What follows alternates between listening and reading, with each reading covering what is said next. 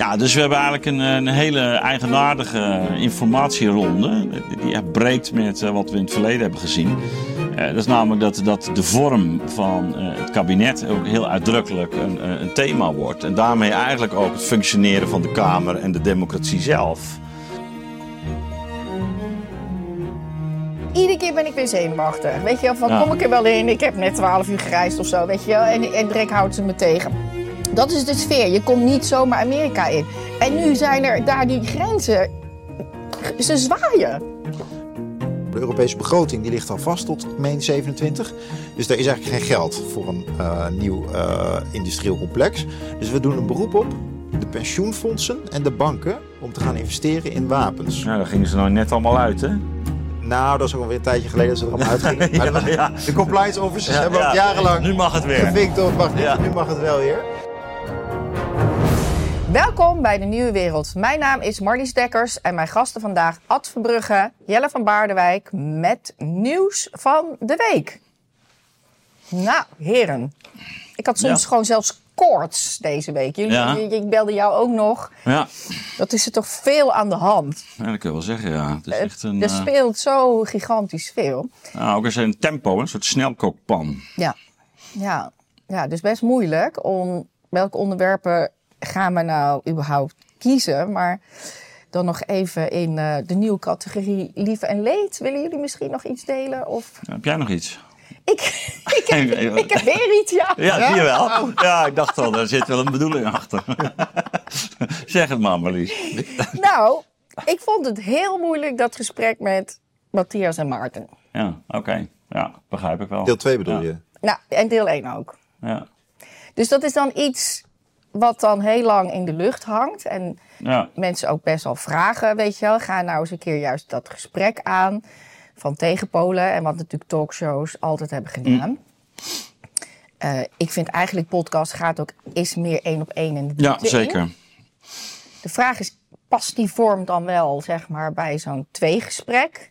Nou ja, laten we het aan de kijkers vragen. En mijn indruk was toch dat men jou eh, heel goed vond. En dat ook de heren zelf nog best chic met elkaar in gesprek gingen. Misschien zoals. Nederlanders dat helemaal niet meer kunnen.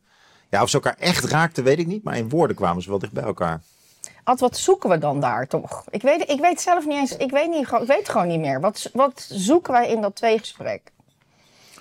Toch, of in die tegenovergestelde meningen. Ja, je wilt toch... Nou ja, je hoopt natuurlijk dat er iets van beweging eh, optreedt. Hè? Eh, ik, heb, ik heb destijds eh, aan het begin van de coronacrisis toen dat twee gesprekken met Gabriel van der Brink gevoerd. Ja. Misschien nog wel in 2,5 uur. Nou, niet dat we daar op, op één lijn kwamen te zitten, maar er, er was een soort van beweging gedurende die 2,5 uur. En ik denk, ja, bedoel, dat is natuurlijk wa- waar je op hoopt. En, maar ik denk dat dat rond dit thema heel erg lastig is. Zeker omdat natuurlijk eh, ja, beide zich ook wel eh, vrij uitdrukkelijk geprofileerd hebben. Dus Ja, maar daarom dan- eigenlijk interessant voor Ja, maar dan blijft het een be- beleefd eh, verschil van mening. Hè? Ja, maar hoe komen we Ja, dan bij Ik vond het ook, elkaar? ik vind het ook een interessant woord, hè, mening. Want is het een meningenstrijd? Ik vond ze heel erg eigenlijk doen alsof ze allebei een wetenschappelijk standpunt innamen. Ja, dat maar viel dat, me echt op. dat van, probeerden we natuurlijk ook wel, van dat dat niet Ja. is. Omdat wetenschappelijke onderzoeken eigenlijk... Ja, ja, multi-interpretabel zijn. En dat Nou gaat ja. ook om je oordeelskracht. Dus je verwacht toch dat mensen elkaar dan ook als slijpsteen gebruiken. Maar het, eh, ja, ze bleven ook in elkaars, eh, buiten elkaars vaarwater op een andere manier. Maar we hebben hier ook slechter mee gemaakt hoor. Dus met Siebe Schaap, eh, die, die, die stond helemaal niet open voor een andere interpretatie van, eh, Ja.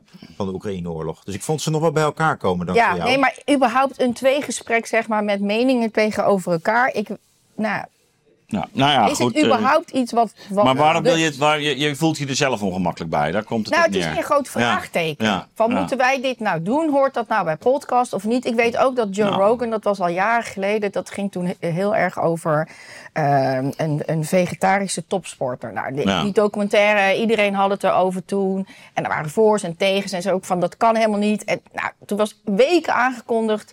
Ook twee tegenovergestelde meningen. En dan bij Joe Rogan, nou, dat zou, dat zou het worden.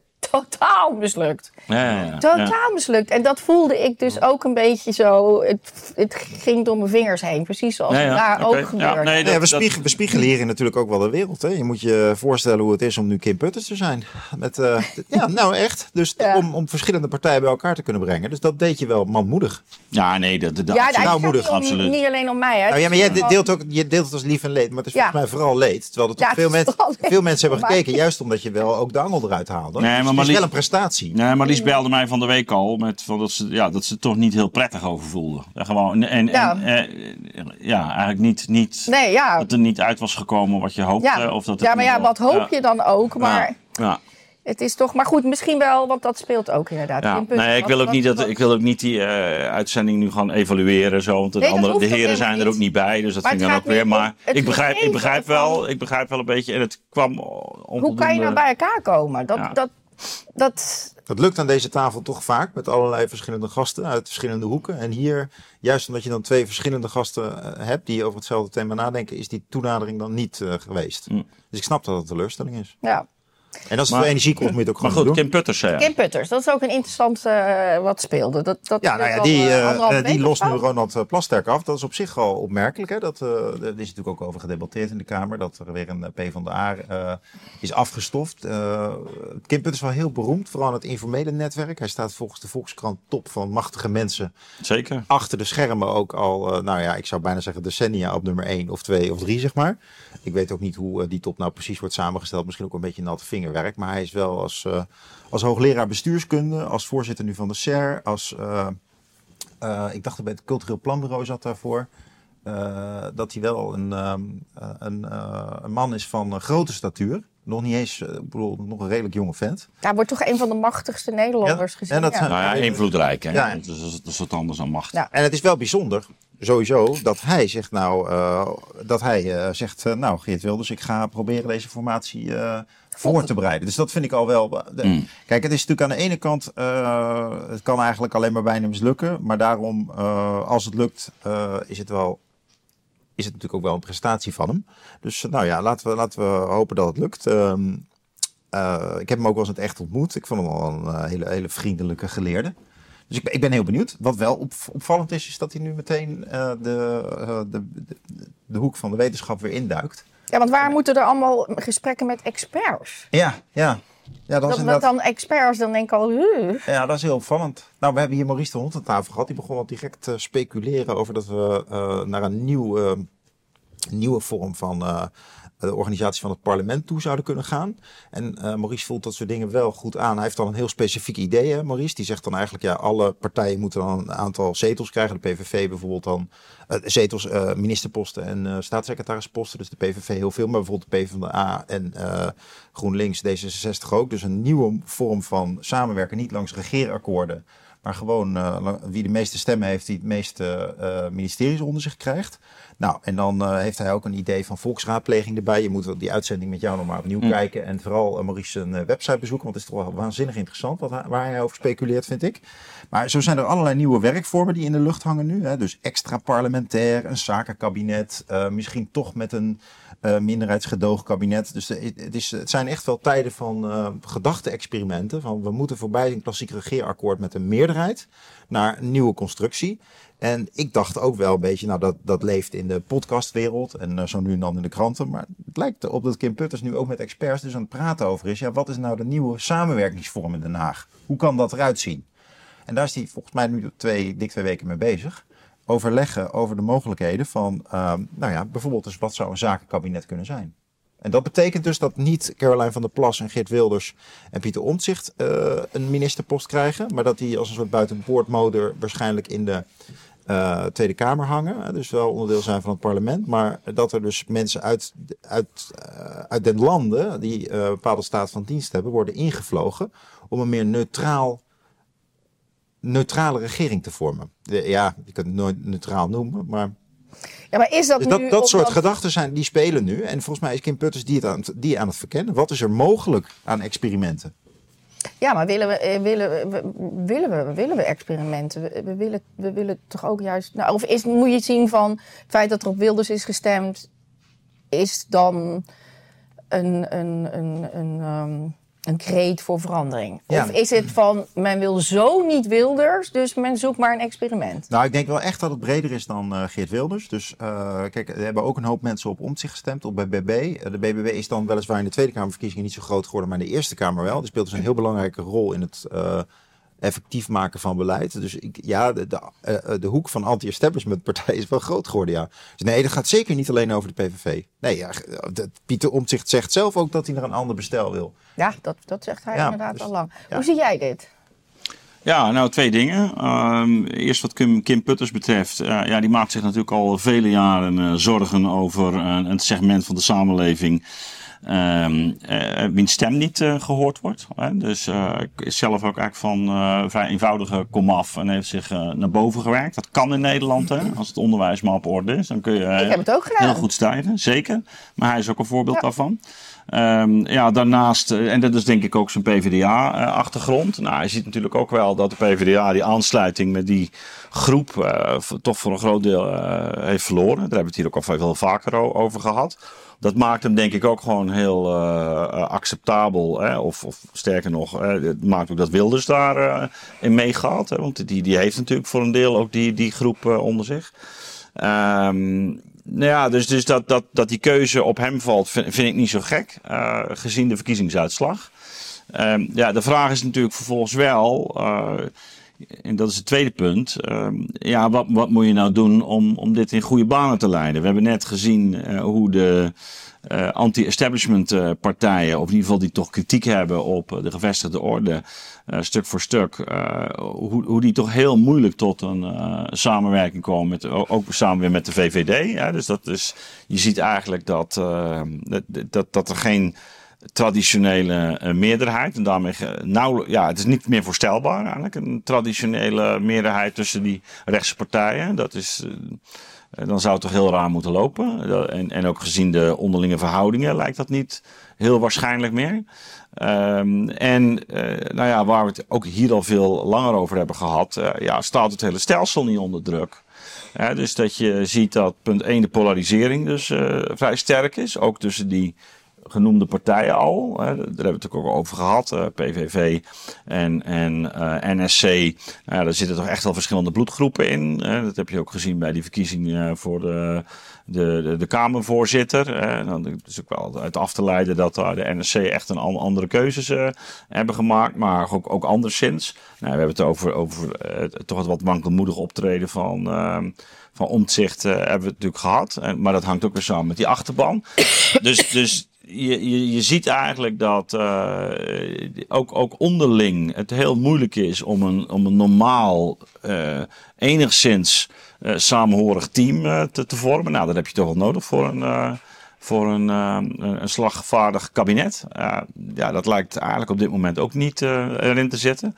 Dus moet je naar iets anders. Dus ik begrijp in die zin wel dat hij dan ook experts gaat ra- raadplegen. Eh, alleen de vraag, gaan experts hier nou de oplossing Wat, bieden? wat hè? voor expert? Nou ja, je kan bijvoorbeeld staatsrechtsdeskundige. ik bedoel, iemand als eh, Wim Voermans, die heeft ook een enorme, ik noem maar wat, kennis over ook de parlementaire geschiedenis. Dus ik kan me zo maar voorstellen dat die ook eens eh, eh, wordt geraadpleegd. En zo zijn er natuurlijk nog wel meer. Ehm, eh, dus, dus dat je gaat nadenken over hoe zou dit er dan uit kunnen zien. En, ehm, en, maar het is geen kleine opgave, want het betekent ook eigenlijk dat dit is niet meer een normale informatie eigenlijk. Ja, dus we hebben eigenlijk een, een hele eigenaardige informatieronde. Die- Die echt breekt met eh, wat we in het verleden hebben gezien. Eh, dat is namelijk dat, dat de vorm van eh, het kabinet ook heel uitdrukkelijk een een thema wordt. En daarmee eigenlijk ook het functioneren van de Kamer en de democratie zelf. En, eh, en want wat het, het, wa- waar nu gegeven deze toch wel problematische uitslag, eh, waarin je bij de bevolking toch heel duidelijk ook, eh, laten we zeggen, bepaalde voorkeuren ziet. Hè, en daar wil je recht aan doen. Hoe, hoe kun je dit nou nog vertalen in een, een soort werkbare regering? Zou het ook nog zeg maar iets heel positiefs kunnen gaan geven? Ja, dat denk ik wel trouwens. Dat denk ik wel. Dus dat, eh, ja, in iets verdere verzakelijking zou ook nog een positieve revolutie kunnen Ja, ik ben, ik ben, daar, ik ben daar veel minder eh, optimistisch over. Ik denk Nou, ook, rondom paars hadden we het daar ook over, hè? Ja. Van de verzakeling. En Nou ja, Den Ja. Uyl in zekere zin al. Dus al ja, Nee, maar dit is een andere situatie. Ook, ook paars is een andere situatie. Uh, het gaat erom nu om dat echt de vorm verandert. En dat is ook mijn uh, kritiek op, op uh, Modis. Dit, dit, je hebt dus te maken met maatschappelijke fragmentatie. Hè? allemaal groepjes die zich gevormd hebben. En polaris polarisatie. Nou, dat, dat zie je. Nu komt er een hele grote beweging. En dat zie je toch wel. Waarbij migratie natuurlijk een heel, heel belangrijk thema wordt. maar, maar zo nog een aantal zaken die daar aankleven. ja, dat moet, je dat moet je nu gaan vertalen in een, in een samenstelling van een kabinet. Waarbij uh, ja, toch de, de, de gevestigde orde heel veel moeite heeft met die agenda. En, wat ik al zei, dat zit ook in alle uitvoeringsorganisaties. Uh, dus het, het wordt gewoon, eh, voor, voor, welke regering er ook komt, al, uh, zullen ze, het wordt modderen. Dat kan, dat kan bijna niet anders. Ja, maar ga je juist niet om het sentiment heen? Om het sentiment heen?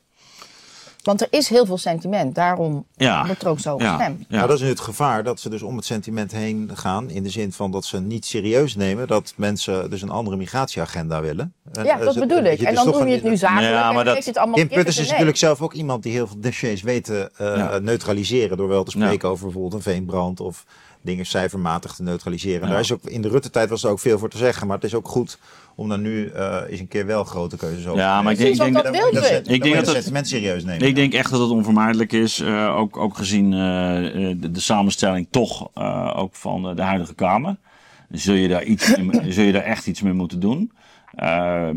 ook, ook het rapport van de, van de staatscommissie gaat, je moet veel bewuster migratiebeleid gaan voeren. Nou ja, Vol, ja. Dat is, dus, dus ook daar geldt uh, die, die, die koers zal men wel proberen in te slaan. Maar het gaat nog om veel meer zaken dan dat alleen natuurlijk. En, uh, uh, en, en zelfs waar het gaat om die migratie, is het, is het nog maar de vraag hoe, dat, hoe dat in de praktijk uit gaat pakken natuurlijk. Wat je gaat doen. En wat gebeurt er bijvoorbeeld met grenzen? Wat, wat doen we met Europese verdragen? Wat doen we met al die... Ik bedoel, je, ja, weet je, je wie zich heeft gemeld in Amerika? Dr. Phil. Ja. ja. Dr. Ja. Phil heeft zich gemerkt in deze problematiek. Ja, zeker. Ja, hij was bij, uh, Joe, Rogan. Joe, Rogan. Ja. Maar ja. zo fascinerend, want mensen voelen zich geroepen. Dus hij heeft ook zoiets, ja, dit is eigenlijk helemaal niet mijn ding, maar nou, iemand is, moet het zeggen. Nou, hij is al langer politiek, hè, dus... Ja, maar goed. Joe Rogan heeft hem ook een beetje op het schild gegeven. Die, uh, die, nou. die, rol speelt hij wel, maar ik doe... Uh, ja, maar hij maakt zich gewoon heel erg zorgen over Amerika. Ja.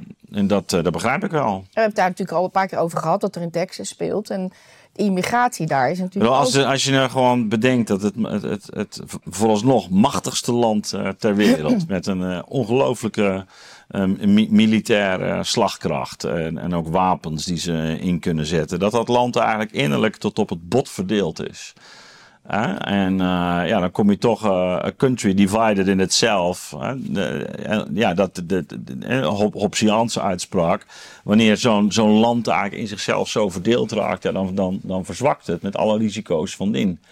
En, en, ja. en, je ziet dus ook een soort krampachtigheid, ook bij de, bij de huidige uh, regering onder Biden. Van, het, het, ja, de, ze kunnen ook niet meer op een normale manier bijvoorbeeld met die hele grensproblematiek uh, omgaan. En dan, dan krijg je de situatie in Texas hè, met het is Greg echt Abbott. explodeert. Ja. Als je ziet, ja. weet je, ik ben ja. zo vaak naar Amerika gereisd. Of je naar New York, LA, whatever hele strenge paspoortcontrole. Ja. Je bent, iedereen staat met zweet op zijn rug, weet je wel, gewoon bij daar de douane. Ja. Want je weet gewoon, en paspoortcontrole, je krijgt vragen, je bent, ook al heb je niks te verbergen. Je bent gewoon zenuwachtig. Nee, ja, nee dat is dat zo. Weten ik, heb ook, ik heb meegemaakt. Dat ik ook zo vaak. En iedere keer ben ik weer zenuwachtig. Weet je wel, van kom ik er wel in, ik heb net 12 uur gereisd of zo, weet je wel. En, en direct houden ze me tegen. Dat is de sfeer. Je komt niet zomaar Amerika in. En nu zijn er daar die grenzen ze zwaaien. Ja, nee, maar je kan dat zo is... binnenlopen in, als illegaal en ze zwaaien ja. daar. Nou, nee, maar dat is bizar. En uh, ik denk inderdaad ook dat dat uh, in, in de kern eigenlijk gewoon niet, niet ook, ook politiek gewoon echt niet houdbaar is. Ik had er een mooi gesprek over met, uh, met Christian Alting van Geuzau. Hij zei, ja, Amerika is vanuit zijn migra migratieland, maar wel legaal. Ja. En, en, en ze, dus die, die illegale uh, instroom, ja, dat is gewoon. Ja, en dat jonge is, kinderen met nepouders, sex trafficking. Ja. Het, het, is een zooi daar. Ja, ook criminelen, bedoel, dat zien ze nu ook. Hè. Bendes, Chinezen. Helemaal getrainde ja, soldaten komen binnen. Hallo, ja, en ik geloof, welkom. geloof ik al bijna miljoenen hè, dit, is, in, in dit, in, in dit nieuwe jaar. Hè? In twee maanden. Ja. Ja, ja dat, is, dat is gewoon niet houdbaar. Dat is, en het is ook heel onverstandig van Biden. Ja, dat hier, het, is over, het is in, in het Westen. Dus wat is er aan de hand? Nou, die Christian Alti van Gezo, die schetst toch ook wel dat er binnen de Democratische Partij een hele woke linkse flank is. Dat zijn dan niet zijn woorden, maar wel een hele linkse flank waar die ook aan tegemoet moet komen. Ja. En dat, uh, dus de, de, dat hij, dat men nog van hem denkt, dit kan eigenlijk niet, maar dat hij zich niet kan uitspreken. En dat vrij letterlijk trouwens. Hè? Je hebt toch het idee dat op allerlei dossiers in Amerika de, de staat al lang uh, aan de touwtjes trekt en dat hij meer een soort, soort uh, trekpopje erbovenop is. Ja, dus ook hierbij. Het ja, maar dat zijn enorme lobby. Hier ook. Ja. Het is hier ook. Ja, dus nou, het zijn nou, natuurlijk nog niet die juist, aantallen, maar... maar... Wat, noemde net die commissie hè, van uh, de toekomst van Nederland in 2050, um, van de commissie van Zwol.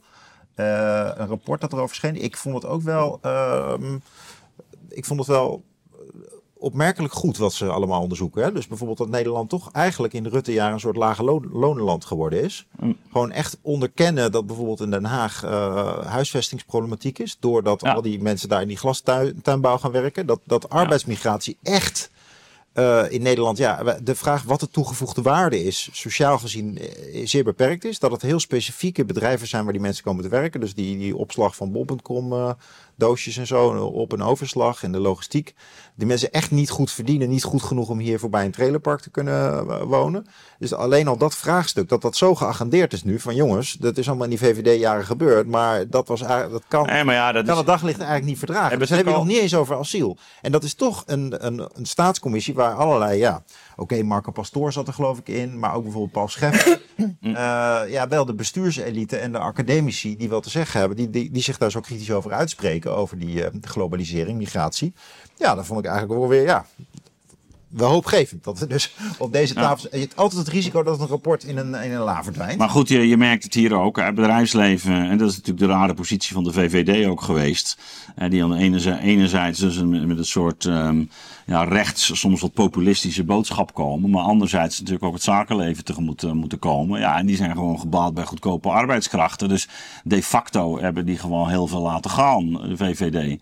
En, en, maar, en dat wordt ze natuurlijk ook nu enorm nagedragen. Maar, maar ben ik verkeerd geïnformeerd? Of uh, zit ik ook in een soort uh, bubbel of zo? Ik bedoel, jullie, jullie slaan steeds aan hierop. Terwijl ik heb het gevoel, maar ook in Nederland is het juist de afgelopen jaar, anderhalf jaar, geëxplodeerd. Nou, periode voor klopt. We hadden 400.000. Hebben wij er gehad in, uh, wanneer was het? 2021? Migranten bedoel ja, je? Ja. ja. Nou ja, er is wel een soort uh, bruto-netto verhouding. Hè. Er vertrekken ook weer een hoop ja. mensen. En, uh, ja, maar het was toen een de... overschot van 240, geloof ik. Ja. Dus, uh, nee, maar de, de problemen... Nee, is natuurlijk, ja. nee absoluut. Nee, zeker is het werk ook vaak niet. Hè? In de tijd van Rutte, dingen voor 1, corona. 1 miljoen, 1 miljoen is corona waren ze allemaal kwijt. Dus het is toch ook juist iets van de afgelopen periode dat dat in één keer zo... Oh ja, Oekraïne, er zijn veel Oekraïners gekomen. Hè? Ja. Heel veel. Wat zij er zijn? Heel veel mensen uit Oekraïne gekomen. En die werken hier ook niet. Dus die krijgen een uitkering. Nou, dat Sommigen zullen wel, werken, maar... Wel. Ja, Rotterdam ligt vol met boten. Ja, nee, ze wonen natuurlijk ergens. Dat begrijp ik ook allemaal op individueel niveau. Maar, uh, Nee, maar goed, dus ik, ik kijk, um, dat is natuurlijk vaak. Uh, er, komt, er zijn omslagmomenten in de geschiedenis. Dan, dan, dan, dan op een gegeven moment uh, vinden mensen het genoeg. En dan gaat er één en dan gaat er twee. En, en, uiteindelijk uh, komt iedereen. En ik denk dus dat die, die massale steun voor Wilders echt te maken heeft met, met dat mensen lange tijd nog hebben gedacht hebben, ja, die Rutte of die VVD, die slaat ook stevige talen uit, ook echt in Europa. Of uh, ja, we gaan toch niet, uh, we gaan toch niet uh, op, op Wilders stemmen. En je merkt dat, dat eigenlijk de, ja, je kunnen taboe eraf is. Dus, en dan zie je dat, dat, dat zo'n thema toch bij heel veel mensen breed leeft. Of is het ook omdat het. Dus, nou, laten we eerst even zeggen: VVD deed een beetje zo. Ja. Maar de afgelopen periode is, kregen ze voorrang op de huizen. Nou, ook, op een ja, markt. Wat wel heel nee, krap is. Nee, absoluut. Nou, nee, maar dat, speelt dus- allemaal mee. Het speelt er- allemaal mee. Problemen in het onderwijs, problemen rond, rond criminaliteit, eh, problemen rond eh, incidenten in asielzoekerscentra die soms worden uitvergroot. Ehm, dus dus dit, dan is het momentum waarin mensen zeggen, ja, het, het- dit loopt echt de spuigaat uit. En, en dat, dat is gewoon waar we nu zijn aangekomen. En dat zie je in de, in de Verenigde Staten ook. Maar het is natuurlijk niettemin uh, nog steeds een heel symbolisch geladen onderwerp. Hè? Dus je, je, en dat zie je bij Trump ook uh, in Amerika. Van ja, hij wil die muur neerzetten. Dus als je tegen Trump bent, dan wil je vooral dat er geen enkele muur is. Je kijkt helemaal niet meer naar de problemen. En, en dat is ook denk ik het risico van, van links. Van ja, uh, Wilders heeft al lang geageerd tegen migratie en uh, islam. dus wij zijn voor tolerantie, hoofddoekjes en, en zoveel mogelijk mensen opvangen. Ja, maar het voelt en, zo kinderachtig. Maar nee, dat, is, is het ook. Maar... Een mooi bruggetje naar Mike Benz. Want die was bij Tucker Carlson. Uh, dat is een, uh, hij is van uh, Freedom Online Instituut. En ja. daar zit in zijn verhaal ook wel zoiets van als het is gewoon een reactie op. Nou, er zit, nou hij, hij geeft een hele mooie analyse. Ik kan iedereen die, die, die video aanbevelen. Ja, ja dus bij Tucker Ook heel verhelderend, heel verhelderend. Ja, dus Mike Benz, je kan hem ook volgen op X. Het is een. Uh, nou, een, van de lijnen, een van de lijnen die hij schetst is dus dat er een, uh, een nieuwe censuur opgekomen is. Vanaf uh, Trump, eigenlijk dus al vanaf corona. Dus hij spreekt van twee golven. Het begon met corona, met het in kaart brengen van de veiligheidsinstituties. Dus FBI, CIA. En hij spreekt, geloof ik, van. HBS of HSB, um, uh, samen met universiteiten die al deden aan het uh, mappen, aan het uh, in kaart brengen van dissidente narratieven in coronatijd. En op een pre-censoring zijn woord, dus op een pre-censurerende manier. Dus voordat eigenlijk mensen dingen beginnen te zeggen die mogelijk echt problemen veroorzaken voor het dominante narratief, bijvoorbeeld over corona, tackle je eigenlijk al, identificeer je al de mensen die andere narratieven hebben, die potentieel te kritisch kunnen worden en te veel volgelingen kunnen krijgen. Dus dat is dat pre-censureren. En dat schijnt toen met de verkiezingen uh, van uh, de vorige verkiezingen, dus van Biden, verder uit de hand te zijn gelopen. In de zin van dat de instituties, dus de, ja, je kunt van de deep state spreken, maar in dit geval is het ook gewoon eigenlijk de state, dus de, de veiligheidsinstituties, die eigenlijk met elkaar beslissen dat bepaalde kritieken niet meer mogen worden geventileerd op sociale media. En ik vond het wel opmerkelijk waar hij het dan over had. Uh, bijvoorbeeld dat uh, je mocht uh, tijdens dus de, in aanloop naar de verkiezingen, acht maanden van tevoren, voordat dus Biden gekozen werd, mocht je niet meer betwijfelen dat stemmen per post eventueel een risico voor corruptie in zich droeg. Hm. Dus ja. dat, als je dat dus postte op X of op Facebook, werd dat dus, dus weggehaald. Ja, het, het, het is bizar wat hij zegt. Maar hij zegt natuurlijk ook, het begon eigenlijk in 2014, of bij zwakkere regimes. Ik moest nog denken dat we daar bij VAG op de universiteit ook toen de tijd al ja. heel veel aandacht aan ja, ja, maar... Van hoe social media uh, eigenlijk uh, um, regimes kan verzwakken. Ja. En dat het eigenlijk vanuit een soort. Wij zijn goed en we moeten ze beschermen. En dat het ooit zo is gekomen dus van ja. wij moeten die, we moeten zorgen dat die landen uh, ook een democratie hebben. En dat er daardoor zeg maar allerlei tools ja. gebouwd zijn. Nou ja, het is maar die tools worden nu ingezet tegen de volk zelf. Maar... Ja. ja. Nou ja, want dat is, dat is een heel belangrijk punt. En ik moet zeggen, dat vond ik ook uh, met terugwerkende kracht uh, erg verhelderend. Het sluit bovendien aan op een, uh, ja, op, op, op een thema dat, dat je al in de 19e eeuw uh, ziet, voor een deel zelfs al bij Marx. De, de, gedachte dat eigenlijk de ontwikkeling van technologie ook een bepaald soort sociale veranderingen kan uh, uh, versnellen en ook stimuleren. Hè? Om maar heel simpel te zeggen, de, de ontwikkeling van uh, de drukpers en later bijvoorbeeld de, de, de, krant heeft ook mogelijk gemaakt dat uh, de arbeider uh, zichzelf kon gaan organiseren. En samen met de stoommachine en, en, verbindingen die je legt, waardoor die zich ook internationaal als een identiteit kon gaan opwerpen, als een soort tegenmacht. Dus dankzij die technologische omgeving. Daarom, zijn de, daarom is de, het communisme ook een moderne beweging. Want de emancipatie gebeurt ook mede van de arbeider dankzij technologie en, en innovatie. Nou, eigenlijk eh, zie je natuurlijk heel de 20e eeuw is natuurlijk volop uh, gebruik gemaakt van uh, ja, moderne media voor, voor propagandistische doeleinden. En uh, eigenlijk kwam men in. hij, begint ook over de ontwikkeling van internet, waar hij ook bij betrokken is. En bij, de, bij internet was aanvankelijk natuurlijk de ambitie, ambitie ja, we kunnen de, uh, eigenlijk de, de, de staatsmacht breken. Ja. Hè, want, Free speech. Hè, dus, dus, inderdaad vrijheid van meningsuiting. En, en je zag ook natuurlijk ook hoe daar al meteen fora ontstonden enzovoort. En op een goed moment heeft eigenlijk, eh, de CIA, want dat is zijn thema, dus dat de defensie hier een heel belangrijke rol in speelt. En dat hebben we ook bij corona tijd gezien. De defensie heeft op, CIA heeft op een goed moment gedacht, hé, hey, maar dat kunnen we ook inzetten. Uh, en dat hoort bij die, uh, eigenlijk, uh, die hele agenda van uh, de nieuw, uh, uh, wat is het? Project for a New American Century. Hè? Dat, is, dat is het idee van de neoconservatieven. Dus kun je gewoon zo online vinden. Um, PNAC, Project New American Century, um, waarbij we inzetten op um, re regime change. Dus de wisselingen van uh, ja, regimes. Hè? En, ja, dus en het omverwerpen. Hè? Omverwerpen ja, van regimes. En dan nou, hoef je geen oorlog te voeren. Ja. Dus dat spaart leven. Dat was dat soft power. Dat Soft was, power. uh, ja, maar dat was overigens, nou ja, soft power, ja. Het was, dit was ook al een agenda die je in, in de Koude Oorlog zag. Ja. Het is wel belangrijk omdat, uh, dus ze waren er al, maar plotseling zien ze eigenlijk dat dat medium zich daar heel goed verleent. En, en, en, en daar gaat geld naartoe. En uh, de Arabische lente, ik altijd gezegd, hè, is ook meer een Facebook-revoluties. Zagen ze hoe Facebook eigenlijk zich heel goed leende om te zorgen dat ja, de, de, de, de burgers zichzelf konden gaan organiseren, het verzet konden gaan organiseren, enzovoort, enzovoort. En dat werkte als een tierenlier. Ja. Hè, dus, dus, Succesformule. Uh, ja, en. maar de Arabische lente niet hoor. nou ja, wel, wel die opstand, niet de uitkomst. Hè, maar dat is het hele probleem natuurlijk. Ik bedoel, het werd, werd vervolgens natuurlijk chaos. Maar uh, je ziet wel dat die, dat die wisselingen in regimes, dat dat de een na de ander kwam onder druk te staan.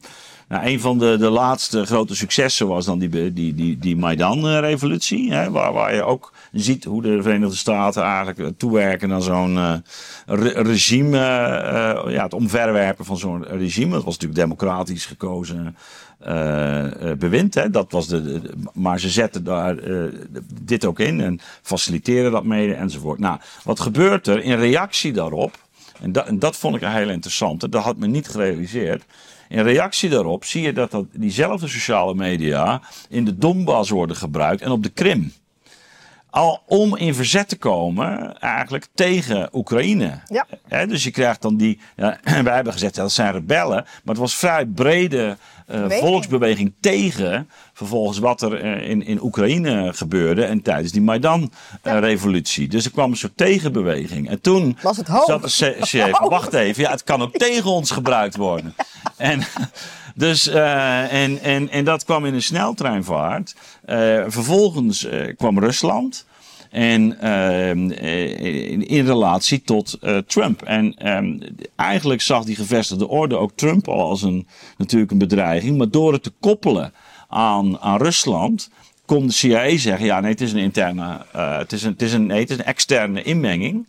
Uh, en daarmee moeten we dus gaan, gaan optreden. Hè? Dus, dus gewoon, laten we zeggen, gewoon Amerikanen die onder de, de constitutie dienen, die kunnen dan nog denken van, nou ja, maar ik, doe, ik, ik dien mijn land, want de Russen zijn ja. hier aan het inmengen. En, en dan komt hij op een heel interessant punt. Ja, dan, dan ontdekken ze, dat het is natuurlijk uit en ten onderzocht. Dat blijkt gewoon eigenlijk van, van geen enkele inmenging bij Trump. Dus, dus um, Rusland was, heeft geen inmenging? Nee, geen inmenging in, uh, bij die verkiezingen uh, om, om Trump daar uh, in, in het zadel te hijsen. Ja, en toen is eigenlijk, en, en, daar kom je bij Jelles verhaal uit. Toen is eigenlijk de, de volgende stap geworden. Ja, maar um, het kan, en, en, dat was de argumentatie. Ja, maar er kunnen ook um, informatiestromen binnen de democratie ontstaan die een bedreiging zijn van de democratie. En toen werd er een AI ontwikkeld. En, en, en, en dat is eigenlijk de argumentatie ja. geworden van alles. Nu is dus alles wat de democratie bedreigt, ja. dat moet worden uitgeschakeld. Ja. En dan krijg en je de hele. voor de Department of Dirty Tricks. Ja, ja, ja. En dat is een. dat doet zo 1984. En dus dus die, die krijg je dan ook. Dus dan gaat men spreken over misinformatie, desinformatie. Er komt een heel jargon. Ja, maar die, die, die, die, die lijn van de is wel belangrijk, want hij spreekt dan inderdaad over misinformation, malinformation. Ja. Uh, en dan zegt hij van dat wordt geïnterpreteerd als een cyberattack. Ja. Dus dat wordt dan geïnterpreteerd als een, als een aanval. Ja, maar je kan dan dus ook van je toilet of van je wc afgetrokken worden. Want je ja. bent dan dus ja. door, een, door een tweet of iets op social media... Ja. kun je, kan je bij het uit je rechten gezet worden. Ja, en, en het leger... Staatsveiligheid. En het leger bl- eh, eh, blijft dus gewoon actief daarin. En dat is, eh, dus, en dit, of, sorry, het CIA, eh, maar, dus, maar Defensie eigenlijk, Pentagon. Omdat dat nu wordt gezien als een eh, ondermijning van de constitutie. En hij spreekt hier ook weer van een establishment hè, van technerds, universiteiten en instituten. Dus het is ook Defensie het is 2.0. Het zijn internetboys. Die, hij spreekt van weapons of mass deletion. Ja, Dus die AI, die AI-bots waar je het over had, Marlies, die dan zo dat internet afstropen en kijken of jij op de wc zit te tweeten. Dan, eh, dus dat, dat is allemaal AI gegenereerd. Dus het is niet, ja, het is, het is dat netwerk van, eh, hij noemt letterlijk ook Google. Ja, ja, ja. Google, Ja, Facebook. Twitter, eh, YouTube. ja. Nou ja, we hebben het in verband met corona ook hier uitvoerig besproken. Hè, hoe hoe dat die lijnen liepen, ook in de richting van het Pentagon. En eh, ja, dat, dat wordt dus eigenlijk allemaal op dezelfde manier eh, dan gelegitimeerd. Maar hij noemt ook Europa. Ja. Dus die wet Digital. Ja, de Services Act. Ja. Ja. Ja. dus, dus hij zegt er zijn zeven CIA-leden zitten dan in het comité van Free Speech. Dus het wordt onder dat gebracht. ja. Nou, dat is dus door de Europese Unie. Dus hij vindt eigenlijk Europa het meest kwetsbaar daarin. Nou ja, kijk, in Amerika, eh, en dat zie je ook in een heel debat dat gaande is. En dan, ja, dat- ja, je krijgt toch de First Amendment. En dat, Ja. is, eh, en dat is toch wel heel fundamenteel in Amerika. hè. Dit, eh, de grondwet begint eigenlijk gewoon met de vrijheid van meningsuiting. Ja, maar daar zijn dan dus hè, die Dat First dus- Amendment, dus dat- die Rick Stranger of zoiets. En dat is, een, eh, als ik het goed uitspreek, maar dat is een journalist. Volgens mij ook van Times. Toch? Die ja. zei, die- en die ging heel erg ple- pleiten van... die First Amendment moet niet gelden op social media. Ja, nee, maar dat is, dus dat is de grote constitutionele Opslag. eh, crisis eigenlijk. Eh, want Amerika is zeg maar, de vrijheid van het woord. Je ziet ook, je kan veel verder gaan in Amerika. Je kan niet zomaar voor hate speech of zo. Nee, Amerika, als, je, als jij dat vindt, kun je een, eh, mag je dat eh, te, te berde brengen. Eh, ehm, Ondertussen dus- heb je natuurlijk ook die, nu die discussie over zelfcensuur, hè, die ook in de filosofie al langer speelt. Dus je mag alles wel zeggen, maar mensen eh verinnerlijken ook een soort correcte moraal. Dat, is nu, dat speelde bij eh, Google Gemini onder andere. Oh je, mijn je, ma- je mag van alles met die AI, maar dan gaan ze zichzelf toch de grenzen opleggen dat het wel, als je dan vraagt van, nou, doe mij maar een gezin in Leiden, dan ziet het eruit alsof ze net zo goed in Azië of in eh, Afrika hadden kunnen wonen. Dus die Ja, etniciteitsbias, die wordt er gewoon doorgevoerd. En dat hoeft niet. Dat is dus zelfcensuur. Van, Ja. Een beetje woke zelfcensuur. Ja. Dus de vrijheid van meningsuiting is heel groot. Tegelijkertijd zien we ook aan, aan die grote universiteiten. De discussies over de vrijheid van meningsuiting worden ook veel meer gevoerd langs de as van veiligheid. Absoluut. ehm, en, en het idee van een beschavingsoffensief. Ja, je mag maar anderen is- niet beledigen. Je moet Ja. vooral een bepaalde eh, identiteitswereldbeeld uitdragen. En eh, ja, dus dat, Nou ja, dat is ook dat- heftig hoor. En dat, en dat kan zelf dus weer eh, eigenlijk allerlei vrijheden inperken, ook actief. Hè? Want dat, Ja. Dus je ziet zeg maar compliance, zoals je dat in de financiële sector hebt gezien vanaf, eh, nou ja, ja, goed, al in de hele nieuwe millennium, maar, maar kreeg de versnelling natuurlijk na die bankencrisis. Maar die compliance is natuurlijk zo eh, opgerekt, hè? daar valt inmiddels van alles onder. Ja. En ook eh, de bekende ECG's Maar en, eh, dat of wordt nu ESG's. genoemd. Ja, Dat noemt hij democratie. ja. nee dus zeker. hij zegt dat is nu wat beveiligd moet worden. BlackRock, NGO's, banksector. ja. Dus dat wordt nu zeg maar door deze... Ja, de, de, ja de, de machtsconstellatie van de netwerksamenleving. Waar Mark Rutte binnenkort ook een overstap naar zal doen. Hè? Dat is een mooie overgang die bij de trouwens. NAVO Ja. maar ik ben, hier, ik ben hier nog niet klaar mee, jongens. Nee, we gaan nog Dit door. is zo groot nieuws. Ja, klopt. Ik bedoel, je hebt het wel gevoeld en wij... Nou, we weten het al lang, maar dit is gewoon weer bewijs van dat er gebeurt. Censureren. Oké, maar vinden jullie dit niet heel erg alsof je echt in 1984 leeft? Of Ja, nou, waar ik- waar ik- nu? Nou, nou, het, was, het, het was een soort, eh, zoals dat eh, in een mooi Engels heet, connecting the dots. Ja. Dus eh, ik, ik heb zelf heel veel lijnen wel gezien. Eh, ook, ook wel een beetje uitgezocht in de loop der tijd. En dat is geen conspiracy, maar ja, je, je kijkt gewoon wat er naar buiten komt. En eh, ook, ook eh, de afgelopen jaren. Hè, want bijvoorbeeld die inmenging van de, van, de CIA of Pentagon in een brede is natuurlijk ook rond de coronacrisis zichtbaar geworden. Hè, dat, is, dat is gewoon wel, wel boven tafel. En dan ja, is natuurlijk de vraag, oké, nationale veiligheid. En maar dat het, dat het zo ver terugging en, eh, en dat je dus ziet dat het... ehm, ja, eigenlijk, eh, eh, ze hebben het middel zeker zijn omarmd. en, en het ingezet. En het lijkt alsof er inderdaad, uh, hè, wat we natuurlijk vaak zien, dat, dat nu uh, het middel dat, dat ze inzetten zich tegen henzelf keert. Ja. En, dat, en dat is wat er, wat er is gebeurd. En ik vond dat wel heel verhelderend. En, maar wat vinden jullie van bijvoorbeeld van zo'n Aspen-instituut dan? En wat hij zegt over die Ikersen, die, die, die biograaf, waar wij allebei best wel gek van zijn. Dat moet je even in herinnering brengen. Wat zegt ja, hij nou daarover? ja, ik, ik weet het gewoon niet zo goed. Dus hij zegt, hij zegt die Aspen Instituut, ik heb het ook nog zitten googelen. Ja. Hij zegt, die is er helemaal bij betrokken. Dus die zit in, en dat, die, dat is een NGO, staat helemaal voor neutraliteit. Hele belangrijke mensen zijn daar bij betrokken. Die Ikersen is er ook bij betrokken. Ja, maar ik En denk, dat is ja. dus weer de vraag, want die heeft ook dat, dat boek van Elon Musk geschreven. En Elon Musk is natuurlijk de enige die zegt: Ik ga hier niet in mee. Dus Elon Musk twittert ook heel veel hier nu over: van jongens, zien jullie nu hoe belangrijk het is? We zijn de vrijheid aan het beschermen. Dat bestaat niet meer. En Ja, ik nou, zeg ja. dan dat hij de enige is die dat. maar toch, maar toch, eh, toch, als je bijvoorbeeld kijkt, ik wil het wel relativeren. Ehm, nou, graag, want dan ja. slaap ik beter. Nou, eh, kijk, ik heb dit eh, gewoon, dit, ook deze boodschap heb ik gewoon terug kunnen vinden op YouTube. Eh, en dus die, dat hele verhaal van Tucker Carlson kan ik terugvinden op ik YouTube. op X. Ja, ja, maar Is dat niet van YouTube afgehaald? Zo bedoel jij het eigenlijk? Ja, ja. Dus, dus eh, ik, eh, ik, je ziet ook rond corona dat, dat eh, de berichtgeving kijkt naar John Campbell. Ja, je moet nog wel een beetje opletten, maar er komt wel steeds meer komt er naar buiten. Ik, kijk, ik, het hele idee dat we te maken hebben met een, een monolithisch gesloten systeem. is, is, is volgens mij een waanidee. Er zijn, er zijn echt machten. Pogingen. Er zijn, worden pogingen gedaan, machten. Maar er zijn ook weer andere belangen. Dat is precies het hele punt. Kijk, ehm, eh, soms zitten die belangen, op één lijn. Eh, maar in dat zagen we tijdens corona eh, rond bepaalde sectoren. Kun je zeggen, nou, die zitten op één lijn. Maar in andere gevallen blijken er gewoon ook hele andere belangen te spelen. Ja. Eh, dus die netwerken, die, die zijn niet. Je hebt niet één gesloten elite. Dus, dus er zijn ook tegenkrachten en tegenstromen. Ik zie meer als En- een soort golven van er, is een pro- er zijn problemen die opkomen. Er zijn verschillende beleidsgemeenschappen. En op een, op een moment is er een soort eh, eh, window of opportunity. En dan kunnen ze En dan allemaal door het raampje heen.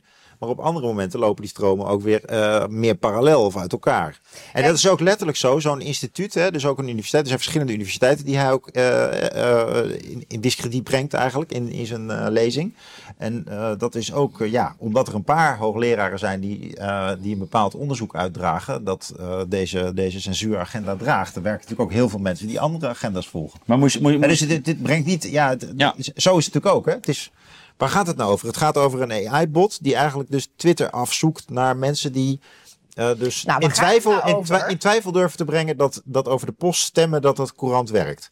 Wat op zich heel interessant is, hè, dat, dat de Amerikanen daarop voor sorteren. Dus dat, eh want, want er is natuurlijk ook een potentieel corruptieprobleem daar. Maar Ja, het- dat mocht je het dus kan- niet meer zeggen. Het kan verkiezingen beïnvloeden. Het heeft daardoor onze Ja. kinderen twee Nee, zeker, zeker. Maar het is- eh, van, van school afgehouden. Maar het is Dus een, beïnvloedt het is een wat. feitencomplex dat je ook met zeg maar drie mensen bij Facebook, bij Twitter en op een universiteit kunt regelen.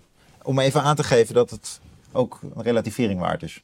Het is niet een Big Brother is watching you. Het is een, het is een small brothertje. Nou, dat, dat vind ik ook weer te, te, te klein maken. Want eh, ook, ook gegeven wat we meemaken, ook in de berichtgeving rond Oekraïne bijvoorbeeld, hè, waar je toch zou willen dat eh, John Mersheimer en Jeffrey Sachs en, en zo kan ik nog wel een rits op, nog gewoon dat dat is- je met ook over elkaar. CO2. Maar dat is toch gewoon over- blikvernauwing had. Nee, ja, nee, ja, blik, nee, maar dat, dacht je dat er geen mediastrategie achter zat? Natuurlijk wel. Dat is toch waarin je Tuurlijk. wordt. Dat is de, de- dus dus de- de- de- de- daar spelen natuurlijk ook gewoon. over.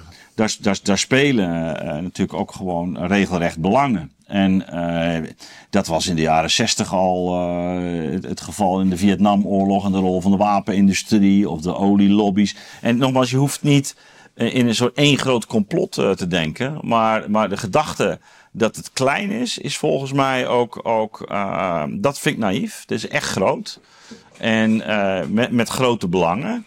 En, uh, en, en, waar ook op sentimenten wordt gewerkt. Hè? Dus, dus, dus je zegt ja, die blikvernauwing, ja, ook helemaal waar. Maar dat hangt samen met bijvoorbeeld angsten. Maar die angsten worden ook weer gecreëerd. Die worden weer aangewakkerd. Ja. Dat is massapsychologie. Ja, maar ook nou, dat, dat, nee, dat niet, niet, kiezen is om een andere mening te hebben. Dus dat je denkt, nou, ik hou mijn mond maar. Misschien gaan wij toch ook met veel vrijbuiters om, waardoor ik er uh, ja, denk het wel. over ben. Denk het wel, ja. ja. Denk het wel. Dat is, over die uh, belangen gesproken. Ik, uh, ik had het al doorgehebt in jullie. Maar ik zag dat die Thierry Breton nu ook wil dat er een Europees fonds komt. Een, uh, 10 miljard? militaire industriestrategie. Ik zal die dinsdag, of in ieder geval 27 februari, uh, openbaar maken. Om 100 mm. miljard te investeren in een nieuwe Europese samenwerking voor de wapenindustrie.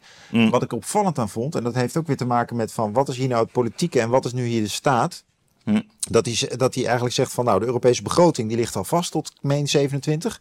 Dus daar is eigenlijk geen geld voor een uh, nieuw uh, industrieel complex. Dus we doen een beroep op de pensioenfondsen en de banken om te gaan investeren in wapens. Ja, daar gingen ze nou net allemaal uit hè?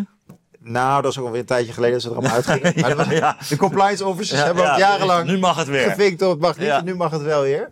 Maar het is ook wel interessant van welke instituties worden er gemobiliseerd om die agenda, dus ik kwam weer op diezelfde stromen. Nu uh, ja, moet het dan langs uit een andere hoek komen. Dus dan worden het de pensioenfondsen. En die worden gevraagd, uh, ja, investeer daar maar in. We hebben toevallig net een nieuw pensioenstelsel, hè, waar je ook, uh, dus ook weer vrij kan investeren. Dus het, is, nou, het komt allemaal mooi bij elkaar. Nou, want, want, waarom komt het mooi bij elkaar? Nou ja, voor die agenda, voor die Thierry Breton, die eigenlijk de commissaris interne markt is. En hiermee dus ja, een soort van nieuwe staatsmarkt creëert. Ja, maar als je dus complotdenker bent, dan denk je, ja, dat is, dat is bedacht. Ja, maar dit is ook bedacht. Dit is geen complotdenken. Dit is, dit, is ook geen, dit is gewoon een agenda. Dit is een complot. Dit is ja, maar een agenda. hier hebben ze toch gewoon al zo. Dus e- e- eerst veranderen we pensioen en daarna kunnen we zo. Dat is toch voorsorteren? Ja, nou, die pensioenfondsen, die, ja, ja, ja, dat is inderdaad, ja, dat zou je bijna gaan denken, ja. Dat zou je bijna gaan denken. Nou, Kijk, pensioenfondsen hebben altijd al labels. Hè? Ze willen investeren bijvoorbeeld in duurzaamheid. Dat is al een tijdje in de hand. Moet groen. En nu ja, wordt het een beetje omgekat. Maar dat het, oh ja, nu dat, is toch al beter dat we, dat we in, in, in militaire oorlogsvuig... Ja, uh, ja, ja, dan gaan we van uh, het, het, investeren in de gezondheidszorg... gaan we over naar de productie van clusterbommen. Maar ik vond het wel opvallend. dat is natuurlijk tamelijk ironisch. Maar... maar... als ik nog één ding over mag zeggen. Wat je wel ziet met dit soort bewegingen is dus die, die oorlog in Oekraïne wordt dus verder gedepolitiseerd. Want dat is ook altijd een suggestie van dat is, uh, je moet er op een bepaalde manier over nadenken. En dat wordt al zowel massapsychologisch als diplomatiek en politiek die kant op gestuurd. Uh, dus het Rutte van der Leyen verhaal. En ook dit past daar weer bij. Van ja, we, we maken nu al geld vrij om tegen de Russen aan te vallen. Dat had ik net nog niet gezegd. Maar ook die Thierry Breton die spreekt expliciet over Oekraïne en Rusland. Dus het is, uh, een, militaire, uh, het is een militair complex in Europa dat nu uh, moet worden opgebouwd, heropgebouwd, met het oog op Rusland. Dat is wel interessant, hè? Dat dat nu zo, dat dat vijandsbeeld zo op dat niveau. Wat op zo'n schaal. Ja, dat dat, ja, 100 miljard is ook weer niet genoeg om, ik bedoel, dat kun je, maar het is een begin. Ja. Dus nou het is, ja, een begin, het is wel een, een, een verdere, koers. Het is verder, inderdaad verder het doorzetten van die militariseringskoers ten opzichte van um, Rusland. En je kunt zeggen, ja, dit, wat is hier politiek aan? Dit is gewoon zelf. Dit zijn overheidsdienaren die zelf die beslissing nemen. Wat, wat, wat, waar, waar bemoeit die Thierry zich mee? Dus ik snap het wel, want Europa is, ja, is natuurlijk ook. Ja, nationaal gezien lukt het niet om legers uit de grond te stampen. Nationaal gezien werken die legers niet echt samen. Dus, dus ze doen het op Europees niveau. Maar hebben wij daarvoor gekozen? En dat nu in aanloop naar de verkiezingen deze, deze zomer. Want er komen Europese verkiezingen. Dus uh, ja, is best spannend. Voor dat ze dit doen. Je zou, je zou kunnen zeggen, ze overspelen hun hand. Nou, de, de, media zal het ja, maar stilhouden hoor, dat dit gebeurt. Dat staat ergens natuurlijk heel klein. Hoe, hoe, hoe, zie jij dat? Want ik wil eigenlijk ook nog naar de volgende. Ja. Maar... Nou ja, uh, weer twee dingen erover. Uh, eerst is natuurlijk dat het thema van veiligheid, dat, dat speelt al van, met name het nieuwe millennium. met de eerste terroristische aanslagen en toen de veiligheid dat ons eigen systeem heel wankel bleek te zijn. En dan krijg je dus ook dat uh, de, de legitimatie van, van overheidsingrijpen verloopt dan eigenlijk, wij bieden veiligheid. Hè? Dus dat, is, uh, dat dijkt natuurlijk in uh, de jaren tien ook helemaal uit. Er moet psychische veiligheid geboden worden. En dan krijg je de hele ESG-agenda, e om het zo maar te noemen. Dus dan wordt het, wordt het nog steeds verder gevuld. Nou, bij corona was ook weer de veiligheid. Hè. Dus, dus het is echt een Hobbesiaanse legitimatie van de overheid. Een Hobbesiaans? Ja, ja ik, ik, ik, werk dat in de gezag machtscrisis een beetje uit. En ik zeg eigenlijk, keren terug naar, naar, naar een soort Hobbes-achtige structuur. Nou, bij Hobbes? Eh, werkt eigenlijk vanuit het sociaal contract. hè. De eerste sociaal contractdenker, de moderne staatstheorie, waarbij de gedachte is: eh, ja, wij, wij stellen eigenlijk een, een soevereine staatsmacht aan. En in zijn geval bijvoorbeeld een a- absolute monarchie, maar dat kan ook een, kleine regering zijn van een elite. Eh, die houdt de, eh, eh, orde eh, van, de, van, de, van de gemeenschap eh, eh, ja, eh, op orde. dus die zorgt voor veiligheid. Eh, en dat is nodig, omdat eh, de mens wordt bedreigd, zowel onderling. hè, zijn, vormen een bedreiging voor elkaar. De mens is de mens een wolf, hè, bekende uitspraak. Eh, eh, dus het hele idee van we bedreigen elkaar, maar we worden ook bedreigd door vreemde machten. En eh, willen we daar sterk tegen blijven, dan moeten we zorgen dat we een eenheid hebben. Nou, die eenheid die wordt gecreëerd doordat wij onze vrijheid afstaan. Leveren onze vrijheid vrijwillig in en we krijgen de veiligheid en orde voor terug.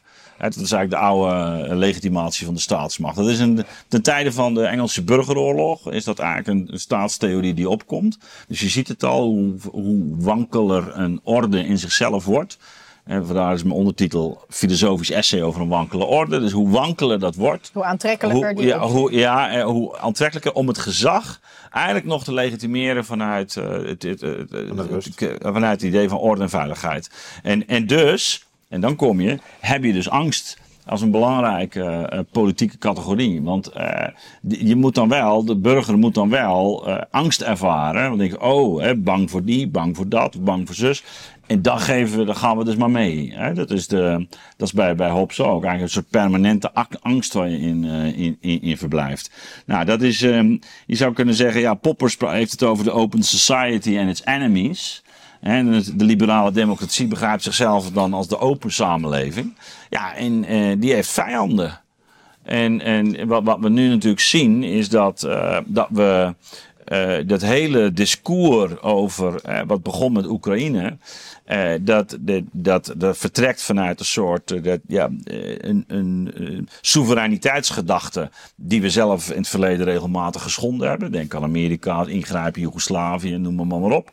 En, maar er wordt nu gezegd, ja, maar dat zien we Rusland, die, die, die, die, die breekt het open. En nogmaals, ik ga, ja, Rusland heeft ook allerlei dingen op zijn geweten, gaat allemaal niet om.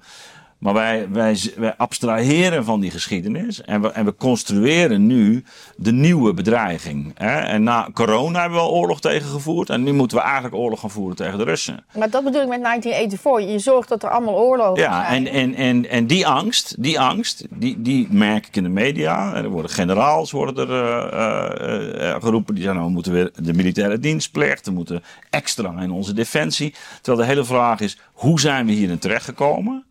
Hè? Wat, dat roepen wij hier natuurlijk al, ook al twee jaar, of ik, zeer zeker. Eh, hoe, eh, wat willen we naartoe? En, en, we, en je ziet nu, hè, en er was een hele interessante eh, uitzending, ook een, een gesprek met een Duitse oud.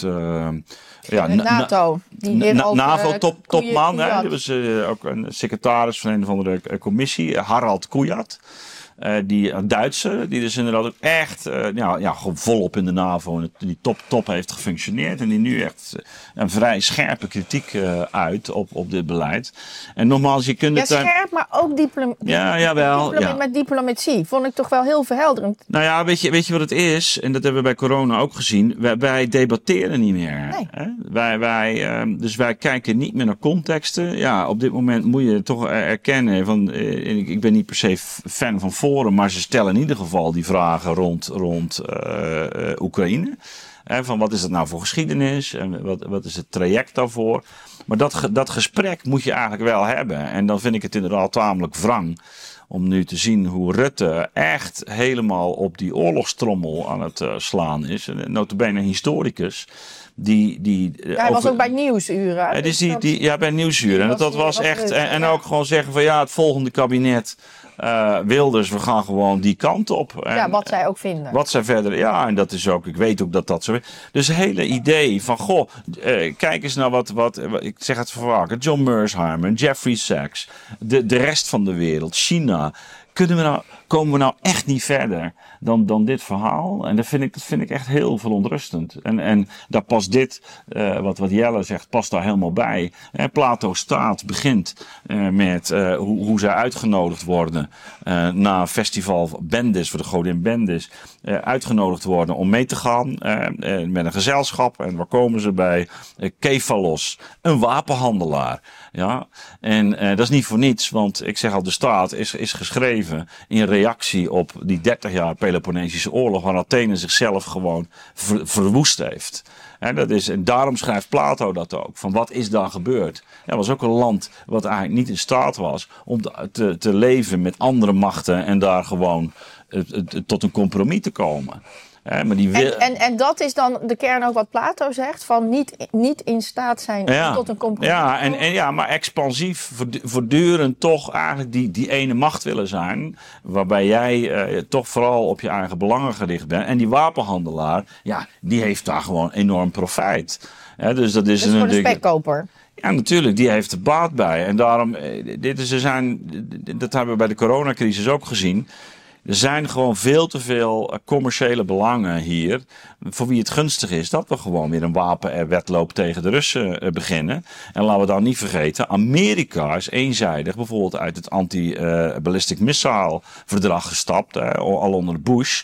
Amerika stevast ook uit, uit uh, verdragen met Rusland gestapt. Hè?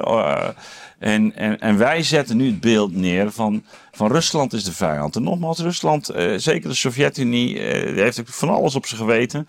Poetin heeft ook dingen gedaan, ook in, in, in, zijn tijd. Hè. Dat is het punt allemaal niet. Maar wij, hebben, wij zijn ook niet onschuldig. Wij hebben ook op allerlei manieren geopereerd. En dat we nou hierop uitkomen, dat we dus gewoon een langjarig traject, want dat is eigenlijk wat ze zien. De Russen gaan niet verliezen. Dus gaan voor tien jaar gaan we onze hele economie ombouwen. We gaan wapenindustrie optuigen. Nou, dat is gewoon het stomste wat je kunt doen. Dus echt, uh, ik, ik vind het echt huiveringwekkend. En niet, niet in staat zijn om, om op een andere manier te kijken naar dat conflict dan alleen maar, ja, we, Rutte zegt letterlijk, we, uh, Oekraïne mag deze oorlog niet verliezen. Ja, het, Weet je wel? Dus eerst was het, we gaan zorgen voor weer regime change. Net, dat is weer het oude verhaal. We moeten Poetin zorgen dat hij ten val komt. En nu, eh, ik heb toen al gezegd, nou volgens mij gaat dat niet gebeuren. Eh, eh, zorg nou dat je gewoon een wapen, tot een wapenstilstand komt en, en een verdrag sluit. Nou, dat was die Istanbul-akkoorden, hoor je in de media ook niks over. En uh, Rusland was helemaal niet van plan om Oekraïne te veroveren. Dat zie je in die. Ze zijn uiteindelijk zover gegaan dat ze daar inmenging hebben. Dat ze daar ook hebben lopen peuren en, en vieze spelletjes hebben uitgehad. Evident. Maar dat, dat doen wij ook wel. En misschien Rusland nog verder. Uh, ik bedoel, met Navalny, ja, we hebben het vorige week ook over gehad. Uh, tuurlijk, er gebeuren allerlei nar narigheid. Maar is dit, is dit, de, is dit dan de weg? Ja, ja sorry, ik, ik, ik moest het even kwijt. Maar het zit me, het zit me vrij hoog. Ja, ik maak me en echt terecht. onwijs zorgen. Wat voor eh, toekomst hebben wij, hebben onze kinderen? Ja. Dit is een narratief um, die neergezet wordt. Nou ja, waar we ook. Soms je, maar je zou bijna de politieke gaan, eh, maar, maar het heeft geen, geeft geen zin. Maar, maar weet je, ik vind dit zo zorgelijk. Ja. Maar dit is toch ook waar die Mike Benz over heeft. Dus dit is toch ook ja. hoe je een narratief duwt en duwt en duwt. En net zoals zo'n Rutte die gewoon zegt, whatever. Wie daar ook in Nederland komt, zet ons allemaal uit buitenspel. Ja. En gewoon zegt, dit, dit gaat. Maar dat is toch ook wat je normaal ook in een relatie, hè? Dus gewoon nou, dat, uh, dat je. Interessant, relaties, ja. Laten we het daar eens over hebben. Dat was een leuk onderwerp. Ja. ja. Maar dat is toch waar je maar, maar mee begint van als je in een, in een crisis zit, dat je toch probeert, dat is wat een therapeut ook doet, toch, eh, dat je eens even de zaak op een rij gaat zetten. Van hoe is het zo gekomen? Wat, maar mislukt ook heel vaak. Wat zeg je? Maar dat mislukt ook Ja, mislukt ook heel vaak. En dat was hoe deze uitzending begon met Matthias en Maarten. Ja. Maar het hele punt is, politiek is natuurlijk geen huwelijk. Eh, politiek is, uh, en dat is, je, je moet in, in een leefbare situatie komen. Ja, dus je, kunt, uh, je moet in een situatie komen waarin je elkaar niet kapot maakt. En, uh, en, en uh, ja, is, is, is dat nou zo bij Rusland? Hè? Zijn die nou echt, is dat nou het programma eh, wa- wat ze volgen. Nou ja, je kunt dat erin lezen, maar je kunt ook zeggen nou, er zijn misschien ook allerlei aanwijzingen en dan moeten we eens over kijken. Wat, voor, wat kunnen we dan? La- laten we in ieder geval zorgen dat we elkaar niet kapot maken. Ik bedoel, als je ziet wat er. eh, ja, Rusland gaat Polen eh, aanvallen. En dan, ja, en dan? Weet je hoeveel soldaten nou? Ze hadden voor de, voor de DDR, dat hadden ze al 300.000 soldaten nodig. Gaat, er, gaat Rusland daar. eh, eh, eh, dus gaan ze daar weer allemaal die, die, die militairen legeren terwijl die bevolking tegen is? Weet je wel? Je had toen nog een, een soort vanuit de Tweede Wereldoorlog. En met een ideologische achtergrond voor communisme. Maar nu gaan ze dat veroveren en dan gaan ze allemaal troepen stationeren. Denk je echt dat Po- Poetin daarop uit is? Nou ja, hij Ja. heeft in ieder geval gezegd in dat interview van niet. Nee, maar ik, ik, ik, wat hij zegt of niet, ik, gewoon de logica. Ja. Wat je daarvoor nodig hebt. En wat, wat, voor, wat dat gaat kosten. En, en eh, of een bevolking daarin meegaat. Terwijl Rusland ook vergrijst en zo. Gaat hij dat nou doen? Is dat, is dat nou. ehm, Dus wel een dominante narratief in ieder geval. Ja, dat is wel een dominante is het narratief. buitenhoofdnarratief. is het? Overigens nog eh, om ook af, af te sluiten van geopolitiek terug te gaan naar Nederlandse politiek. Het is ook wel, het voelt ook als verraad. eh, eh, we hadden het over relaties dat, dat Mark Rutte nu toch gaat opstappen hè, voor deze NAVO-job waarschijnlijk. Want dan, ondanks de chaos die er al is, hè, we hadden het er net over in relatie tot Kim Putters die dat nog probeert eh, vlot te trekken en tot een nieuwe formatie te komen. Eh, ministers die weggaan, Kuipers is weg. Het is natuurlijk ook Ja, chaotisch. Dat ook die- interessant dat Kuipers die. Dit is even Ja, in één keer tussendoor. die baan bij universiteit. Ja, maar pa- pas op 1 mei. En, en, en, en universiteiten kun je best nog wel, eh, Ja. eh, ook na de zomer ook Ja, dus beginnen. waarom weet. Dat moest is hij dan in één Singapore keer gewoon. waarom, waarom moet hij nou... Ja, Singapore. Ja, Waarom waarschijnlijk is het toch een soort eh, andere job die er, die er ook moet worden ingevuld. Want het lijkt me sterk dat het Singapore is. Ik weet het niet. Ik vind, Nou ja, iedereen vindt het. Maar het is sowieso gek dus dat deze mensen die zo, zo lang eigenlijk zoveel van ons... eh, eh, gevraagd hebben. ja, en wij hebben ze ook veel gezag toch gegeven. Gegeven. Ja, en dat ze dan toch maar gewoon vertrekken in deze chaotische tijd. Je zou toch zeggen van Rutte, wacht even. Kom eens op en ook, nou ja, en het begint toch ook. Blijf dan eh, nu in ieder geval nog nou ja, even de- zitten. En ook de bezinning van, goh, wat heb ik nou eigenlijk fout gedaan? Ja, maar dat is er niet, hè?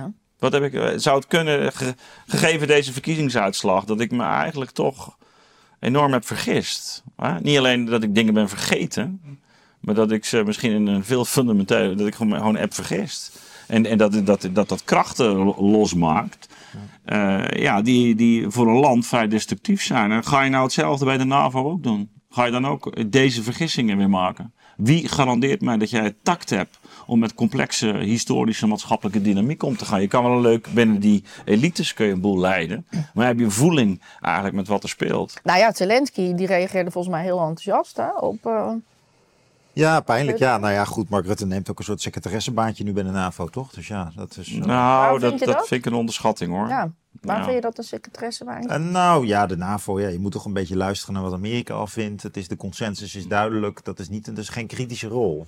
Ik, ik zou zeggen, dat is geen, kijk, als hij nou von der Leyen kon eh, aflossen, die volgens mij ook binnenkort moet stoppen, Nee. of in Ja, ieder geval ze voor een tweede baan opgaat. Ja, tweede nee. termijn. Bovendien, hij, hij wordt een soort vooruitgeschoven post. En, en als je ziet eh, Zou wat voor overschatten wat, wat voor, betekent. nee, maar, maar hij kan wel in- binnen die rol kan hij dus een, een heel duidelijke, eh, nou ja, een temperende dan, dan wel een aanvurende eh, rol vervullen. Nou, dat is helaas duidelijk. Hij wil voorop lopen. Ja, hij wil voorop lopen. Maar gidsland zijn, hè? Dat, Dat is, eh, en, en eh, ik, vind hem, ik vind hem veel geprononceerder dan eh, Stoltenberg nog. Ook in zijn, in zijn eh, eh, uitspraak op dit moment. Dus ik, ik, ik, ik vind dat, eh, ik vind dat, ik vind dat eh, onrustbarend. Ja, is het ook. Nou, blij dat je dat toch zegt. Want, want jij vindt alles wel meevallen eh, vandaag. Nou, alles wel meevallen, nee, helemaal niet. Maar ik, ik zeg dat, dat- nee, ik ben ook heel erg ongerust over de wereld. Ik voel me eigenlijk, ik vind eigenlijk dat Mark Rutte nou niet carrière maakt met deze baan. Het is een leuke internationale job, maar had beter hier nog even orde op Nou ja, maar- Je ziet het nu ook in de Kamer, hè, letterlijk, met die begrotingen. Van Natuurlijk. hoe, eh, want we hebben natuurlijk dat, die verantwoording naar Prinsjesdag niet gehad. Dus nu, die Tweede Kamerleden zitten ook met hun handen in het haar. Oh, Al die ministeries die verantwoording afleggen. Jij zegt hij verlaat een zinkend schip. Ja, ja, mooi gezegd. En hij is niet de enige. Ja. We zitten toch echt in een heel rare tussenperiode. Waarin dus ook die vorm van politiek de discussie staat. En dan gaat hij ook nog weg. Ja, wat als er nu eh, een grotere oorlog uitbreekt? Wat, wie, wie, wie, wie schuift hij dan naar voren? Wat, Ja. Ja, maar ja, goed. eh, kijk, ik, ik denk dat eh, de, de, de, de NAVO de komende tien jaar een hele grote rol gaat spelen. Eh, in het, op, op het wereldtoneel. Dat denk en, ik ook, ook. en ook binnen Europa. En eh, hij wordt de man die dat binnen Europa Ja. allemaal kan regelen. Zo zie ik dat ook. Eerst En, eh, Europa machtig maar het kan, het kan ook het moment zijn NAVO. waarop ook de NAVO uit elkaar valt. Hè? Ja, Dat is daarom Dus ik- laten we daar. Hè, want, Dat is die verkiezingen die En je daarom vond ik dat plan van wordt- die Thierry Breton ook nog interessant. Die dus zegt dat er een Europees eh, militaire orde Nee, maar zelfs, zelfs Europa kan uit elkaar vallen. Dat is, het is, het is, als, je, als je zulk hoog spel speelt. En, maar er zijn ook evident tegenkrachten overal. En dat is niet alleen in Oost-Europa. Hè, maar dat zie je Ja, ook maar hoe elders. zie je dan die verkiezingen van dit jaar? Want die kunnen dan Natuurlijk, misschien net natuurlijk. zo ontregelend zijn als dat je nu toch al heb je, heb je de, heb je de Pool- Poolse boeren gezien met hun eh, demonstraties die zeggen van eh, in Polen, in Poolse boeren die zeggen van Poetin kom orde op zaken stellen in Oekraïne. Ja, maar dus Dat is, dat, dat is, dat, dus, dus er zijn dus ook sentimenten aan het groeien. Ik bedoel, dit vind ik wel heel ver gaan, maar dat is. Eh, Je moet niet onderschatten eh, wat, wat dus een, een, economische malaise met, met mensen doet. Nou, die boeren worden getroffen omdat natuurlijk de Oekraïners eh, tegen eigenlijk hele gunstige voorwaarden hier hun landbouwproducten kunnen afzetten. Die, die concurreren dus een deel van die Poolse boeren weg. Nou, dat zien we elders in Europa ook, pro- protesten. Maar eh, wanneer echt een, een, die economische malaise, denk aan Duitsland bijvoorbeeld, eh, met het op, opblazen van de Nord Stream pipeline en, en, en het eh, omschakelen van, die, van die Duitse economie, waarbij ze dat goedkope Russische gas niet meer hebben. Die deindustrialisering, je ziet hoe dat de AFD daar munt uit probeert te slaan. Er kunnen gewoon hele gekke dingen gebeuren in Europa, zeker wanneer die economie. En daarom vind ik het allemaal zo onverstandig. Het is, het is echt zo kortzichtig, zo onverstandig. Eh, je moet gewoon zorgen voor, eh, voor, voor een stevige basis. En ja, ik vind Rutte Nee, wat dat betreft vind het dat tekenend. bedoel ik. Het- Het is een, er wordt een lijn uitgezet, maar je hebt ook nog de bevolking. Tuurlijk. En nou ja, wij zien En hun Rutte rug is tot- contacten lang helemaal niet meer. Dus die loopt ergens daar en de bevolking Ja. zit daar. Zo van, gast, wat ben jij mee bezig? Ja. En dan zijn de verkiezingen, Europese verkiezingen. In Amerika zijn, zijn de verkiezingen. Maar dat noemt die Mike Pence ook. Hè? Zo van, ja, wat gaat er dus nu gebeuren? eh, met al dat manipuleren, ook weer rondom deze. Ja, nou ja, dat vond ik ook heel schrikbarend Ja. inderdaad, Ja. van die veel anekdotes die je gaf. Dus die, die weapons of mass deletion, die zijn nu natuurlijk ook al lang eh, Bezig. bezig, ja. Ja, je vraagt je af hoe, maar er zullen wel meer uitzonderingen over worden gemaakt. Maar ja, En maar vooralsnog goed. zie ik op YouTube en X nog wel de eh, Biden-kritische stuk hoor. Maar je moet niet Maar- vergeten, dus, dus in Amerika, en dat zie je ook bij de tv-zenders, heb je nog altijd nog een tegenwicht. Hè? Dus het een en het ander. Hè? Hoewel daar ook wel. Is er dat nog? Nou, je zag het toch wel een beetje bij Fox. Eh, dan kan je zeggen, nou ja, eh, dat was toch ook een, een uniparty. Hè?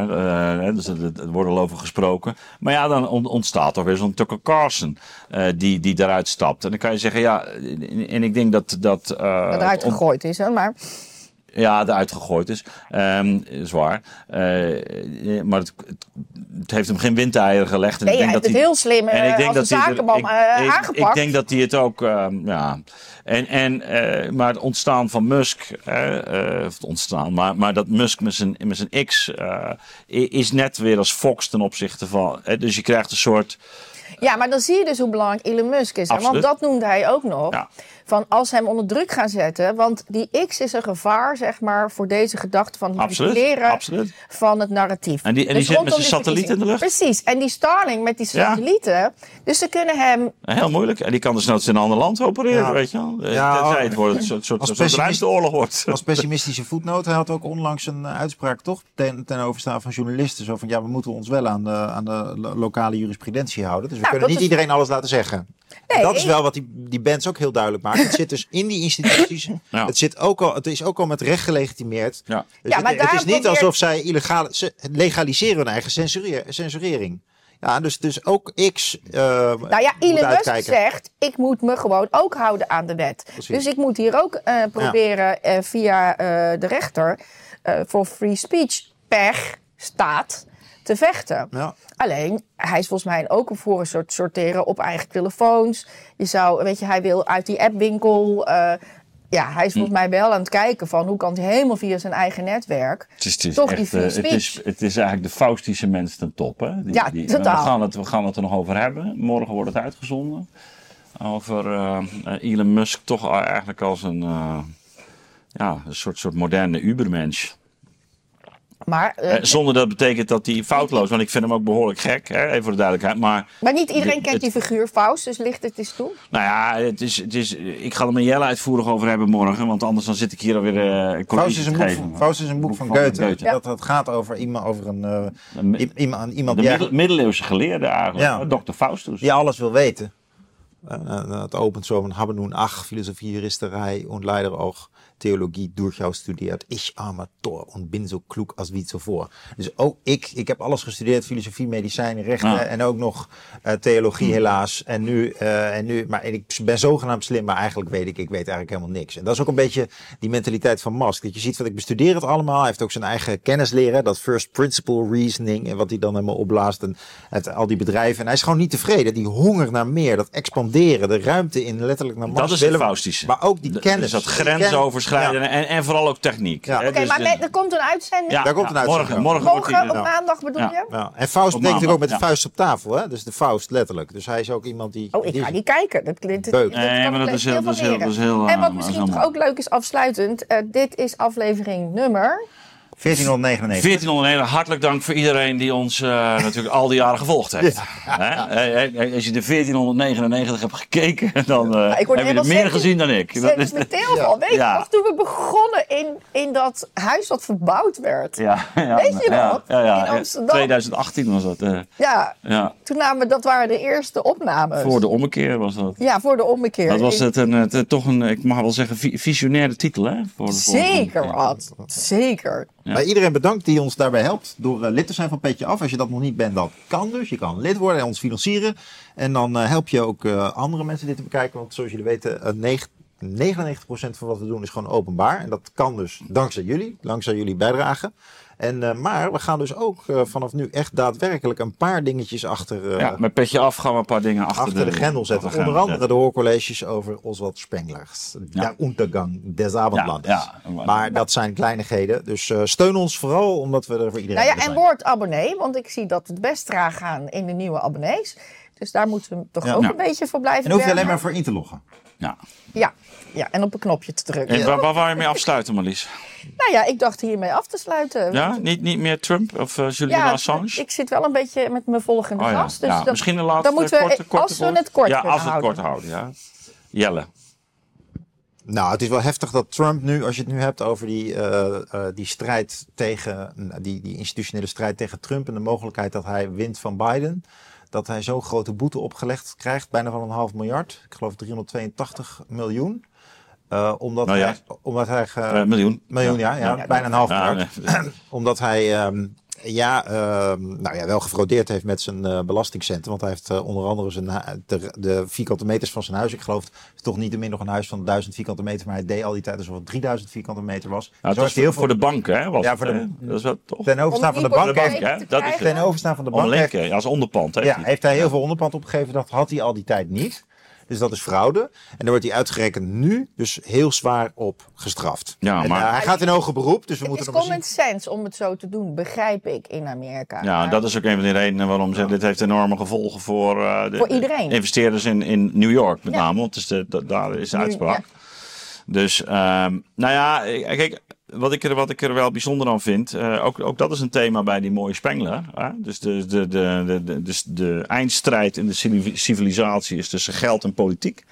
En waarbij het geld zich meester maakt van, eh, van de politiek. En de politiek daar zich probeert aan te ontworstelen. Nou, dat is Amerika, is, dat, dat heeft hij een eeuw geleden voorspeld. En Amerika is natuurlijk echt eh, het voorbeeld van hoe je ziet dat dat kapitaal, of het nou de BlackRock zijn of de, in, inderdaad de big pharma's of de big te- techs, dat het een enorme stempel drukken op, op de politieke koers. En ehm, dat, dat heb je dus in de Romeinse tijd ook gezien. En een van de manieren waarop eh, men eh, in, in, Rome eh, dan probeerde ehm, ja, eh, politieke tegenstanders te, te, te, te, vloeren of te vellen, is door eindeloos te procederen. Dus, dus eh, zoals Caesar, die was gewoon helemaal failliet. Had g- hartstikke veel schulden. Uh, en dat is ook het moment geworden, overigens, waarop hij uh, uiteindelijk uh, zijn grote veldtocht heeft gedaan. En, en in Europa hier. En, en, en, en, vervolgens schatrijk terugkwam. En toen krijg je de eerste Caesar. Hè, dus, dus uh, ja, dan is het ook het einde van de republiek. En, en je voelt dus dat die democratie, waar dat geld zo belangrijk is geworden, Amerika, hè, waar die media en, uh, en lobbygroepen. en dan zie je dat men inderdaad ook Trump ook gewoon, hè, die is een bedreiging voor die, voor die orde. Ja, die proberen ze gewoon juridisch ook eigenlijk uit te schakelen. En eh, ook, ook Trump is natuurlijk ook een gelikte jongen. En, en, en ik, in zijn stijl, ja. Ik ga, ik ga zo vandaag ook nog Jaco Kleinhans uh, interviewen. Die is ook Amerika-expert. Ja. Oh, en ja. die gaat hier ook nog, gaan we hier ook nog over hebben. En, en uh, hij vertelde dat tegen mij. Dit gaat zo tegen de Amerikaan in. Ja, Want maar- iedereen maar- heeft zoiets dat... Dus dan kan je dat bij mij ook doen. Dus mensen die helemaal geen Trump wilden stemmen. eh, dus toch nu... Dat hij eigenlijk daar hierdoor alleen maar een grotere achterban Ja, krijgt. nou ja, je, je merkt ook, ook het sentiment zoals bij die truckers, hè, die dan vervolgens naar New York wilden komen. Dus er de, de ontstaat daar iets rond die persoon, hè, dus wat, wat, wat, wat je Caesar-achtig kunt noemen. Ja. Dus een soort, soort eh, die, die Trump wordt dan zo belangrijk met zijn familie. Eh, ja, en of we daar gelukkig mee moeten zijn, is een tweede. Maar de manier waarop hij bestreden wordt, ja, getuigt wel, denk ik, van, van hoezeer het geld in, in Amerika. Ja, door voor- en tegenstanders, door Trump zelf, maar ook door de, de, degene die hem proberen te, te pakken. Ja, echt een centrale, de centrale en dan grootheid. En tegelijkertijd, wat Spengler ook zegt, is de vraag of hij voor het geld in de politiek zit. Hè? Het is, Ja. het, hij gebruikt het geld Nee, in de nee, politiek. ja, zitten. absoluut, absoluut. En, ehm, Nee, maar dat is precies dus die strijd. Dus Dus is het... Is het hij, eh, hij zegt is niet, het- ik trek me dan wel terug. Nee, hij blijft doorvechten, want hij Maar dat, wil... is, maar dat is ook de verwarring die je ook wel ziet bijvoorbeeld bij mensen als Poetin. En iedereen zegt, ja, schatrijk en vullen zijn eigen zakken. Ja, natuurlijk, eh, allemaal waar. Maar is het, eh, zoals om met Spengler te spreken, heb je de macht omwille van de buit? Dat is eigenlijk BlackRock. Hè? Dat is, eh, eh, of eh, heb je de buit omwille van de macht? En- Ja, maar Elon Musk is, begint ook zo'n figuur natuurlijk. Ja, ja, nee, worden. Ja, absoluut. is de vraag waarom hij zich niet kandideert ook. Hè? Ja, Ja. dat, Absoluut. Hij heeft waarschijnlijk... eh, Maar hij wil heel... heeft andere ambities. Dan Ja. je dat Faustische weer. Hij weet dat hij geen puppet wil zijn in Nee, nee. Ik- ik denk hij wil gewoon fuck you kunnen zeggen tegen de macht. Hij wil invloed ja. hebben. Ja, maar hij heeft ook buit, waarmee hij dus die macht voor is. Maar hij wil, hij, hij, hij wil dus wel degelijk ook macht. Eh, hè, dus eh, eh, Musk. En niet, hij wil niet alleen geld. Nee, hij, wil- hij heeft geld, maar daarmee wil hij macht. Ja, ja. En, eh, en, en, en de hele ruimte veroveren. Nou, er is nog inderdaad, hij heeft een beschavingsidee zelfs. Ja, ja, ja. ja maar ja, maar dat hoort, Maar- dat hoort daarbij. Maar sowieso, sowieso natuurlijk interessant dat er zoveel rijke mensen in de politiek zitten. Dat zou toch, ah, het is eigenlijk krankzinnig. Wel, die Sunak in, eh in, Ja. in eh, Ja, dan zie je het ook. VK ook. Ja. En bij, en bij ons nog niet, hè? Het wordt eh, Nee. tijd voor een miljardair. En, eh, Het is onmogelijk hier door het belastingstelsel. het is werkelijk onmogelijk. Nou, we hebben niet echt miljardairs, miljardairs met zoveel talent dat ze de politiek Of Nee, nee, maar dan- ergens maar- anders eh, neerzetten. Nee, maar dan zie je natuurlijk in, binnen, binnen de lobby's van de Europese Unie zie je natuurlijk wel dat het geld een enorme rol speelt. Dat is de, dus, dus de, Geld en de geldschuld. ja. En die schuld, die is momenteel zo bedreigend ook voor eigenlijk ook de democratie, wat dan nog de democratie Ja. is, maar ook voor gevestigde orde. Want die schuld, die loopt maar op. Redacted heeft Ja. het achter zich, hè. Hoe, eh die hebben zo'n scherm. En dan zie je gewoon, eh, ja, terwijl zij praten ook, hoe die schuld, zeg maar, aan het oplopen is. Dus dat is Ja, ook een bom die onder alles ligt. Ja, nou ja, dan raken we weer het thema waarmee we geëindigd zijn. Hè? Dus eh, van, ja, we weten natuurlijk niet wat dat ook weer in Europa en in het Westen teweeg gaat brengen. Dus, eh, dus het, zijn, eh, het zijn hele spannende tijden, maar ook, ook eh, de cultuurfilosofisch uitermate interessant. Maar ook economisch, zolang ze dus die economische, die militaire vlucht naar voren blijven maken, de Amerikanen, houden ze natuurlijk die dollarmacht nog staande. En hoe lang, zolang als dat duurt, hoeven ze ook niet bang te zijn voor die schulden. Dat komt pas echt in de problemen als die dollar... Nee, maar, als maar dan zie je dus ook, dollarsysteem Ja, maar je ziet bijvoorbeeld de hele petrodollar, dat Saoedi-Arabië nu ook overweegt om lid van die BRICS te worden. Ja. dat, Ja, dat die nee. macht van Amerika, ook met die Houthis en die Tutsis, of nee, Houthis, eh, Tutsis dat was een andere, maar, maar, maar nu met die Houthis in, eh, eh, in Jemen, En dat, dan zie je natuurlijk dat heel de, de, de, ja, de, de, de, de, de invloedssfeer van het Midden-Oosten, waar de dollar ook aan gekoppeld is. Die heeft zich zelfstandig ten opzichte Ja. van Amerika. Ja, nee, dus het is Nee, die. BRICS-landen die zijn, eh, Ja. die zijn, eh, de- Ja. die Ja, zijn maar dat is het grotere plaatje. Maar het is, en, maar het is en grotere daar moet je wat dus ze uit willen stellen. En, en daar moet je het dus in de politiek over hebben. Van jongens, eh, waar gaat Europa naartoe? Waar gaat het Westen naartoe? Waar gaat Nederland naartoe? Ja. Want we hebben niet alleen eh, met Europa, we hebben die hele wereld. En dat had die Duitse is- generaal, die, die, die bedoelde dat. Ja, ook de Tuurlijk. BRICS-landen noemde hij ook. Hè? Tuurlijk. Als een tuurlijk. belangrijke factor wat Moet daar die allemaal linkjes even plaatsen onder de video. Ja, ja. Ja. nee, interessant. Nou, heren, we, moeten Ja. afsluiten. Eh, Het was volgens mij weer een, eh, een, een, mooie uitzending. Eh, Laat de kijkers vooral, laat ons weten. Maar dat vind ik zo leuk. Er is zoveel interactie altijd Ja. daaronder. Jij kijkt niet zo vaak, maar jullie, jij kijkt ook. wel. Nou, we krijgen ook e-mails. Misschien. Ik kreeg, allemaal, ik kreeg allemaal e-mails van ouders die ook kinderen hebben die maar vier dagen in de week naar school gingen. Gaan. Ja. Dus ja, En daar ook opzet over zijn. J- eh, jij kreeg ook nog wat eh, reacties. Hè, Ja, over nee, hoe soms, je had soms, soms, eh, soms op, eh, eh, ja, worden, wo- ja, ja, over Schouten vond, vond een, een, een dame dat kwetsend. En dat, ja, ik kan me voorstellen dat je dat, eh, maar zo is het absoluut niet bedoeld. En, en eh, ik hoop dat in ieder geval mijn opmerkingen ook toch dan te denken geven. Ik, ik, ik denk niet te licht over trauma's, laat dat helder zijn. Het ging mij vooral ook om wat daar gebeurt. Met, Ja. eh, Ja. Ja. Maar we vinden het leuk, die, die interactie hè, met, eh, met de mensen die kijken. ja, zeker. Ja. En eh, we horen het graag en eh, we, we- wij leren ook en we proberen ons te verbeteren. Hè, toch om met Jordan Peterson eh, te spreken. Die zegt dat toch altijd, iedere keer de beste versie van jezelf ja, te zijn. Jullie zitten beter in Peterson. Dat zegt hij toch? Ja. Eh, het is niet wat ik van hem zou citeren, maar ik vind hem ook heel goed. En dit is ook terecht, tuurlijk. Je moet proberen de beste versie van jezelf te zijn. Hoe zou jij hem citeren? Dan sluiten we daarmee af. Oh, Jordan Peterson. Ehm, hoe zou ik hem citeren? Eh, neem jezelf serieus. Wees eerlijk naar jezelf. En hij zegt niet alleen naar anderen, je mag niet liegen, maar wees eerlijk naar jezelf. Vind ik altijd zo'n mooi teruggekomen mantra bij hem. Je moet wel eerlijk zijn. Nou, dank. daar kan ik helemaal mee instemmen. Dank Marlies. Dank heren. Nou,